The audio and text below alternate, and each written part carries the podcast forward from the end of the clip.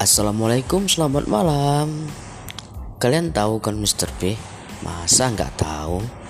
Hampir semua orang di Indonesia tahu apa itu Mr. P atau dalam istilah dunia gaib disebut Mr. Pocong.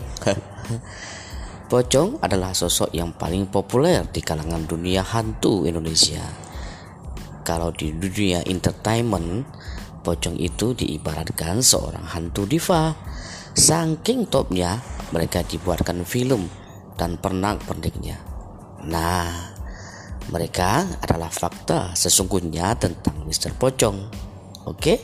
let's check this out. Pocong itu imut karena satu-satunya hantu yang pakai simbol di kepalanya.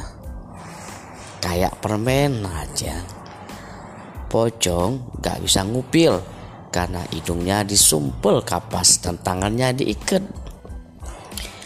Pocong benci sama hujan dan becek karena pocong bisa terpleset. Pocong pemanjat yang baik. Dia bisa lompat ke atas genteng dalam beberapa detik. Apalagi kalau ada Pak Haji lewat. Pocong sebenarnya takut sama wajahnya sendiri. Asosial.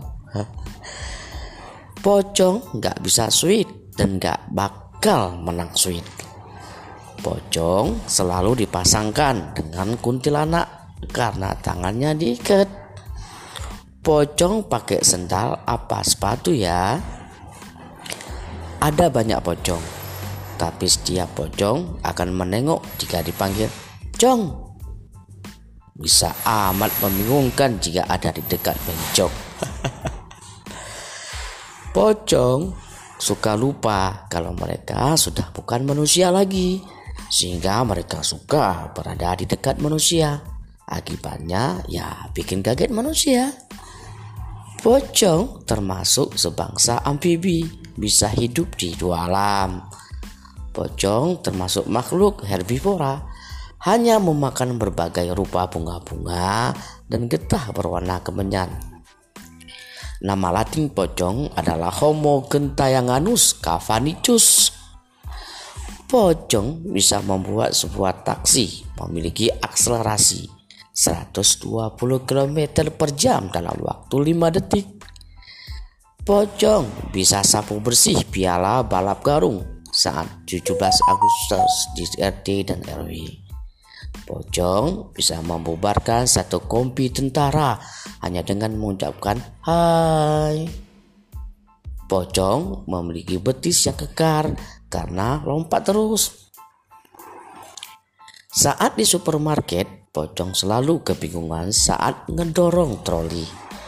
Pocong gak bisa ikut Indonesia Idol karena megang mic aja gak bisa.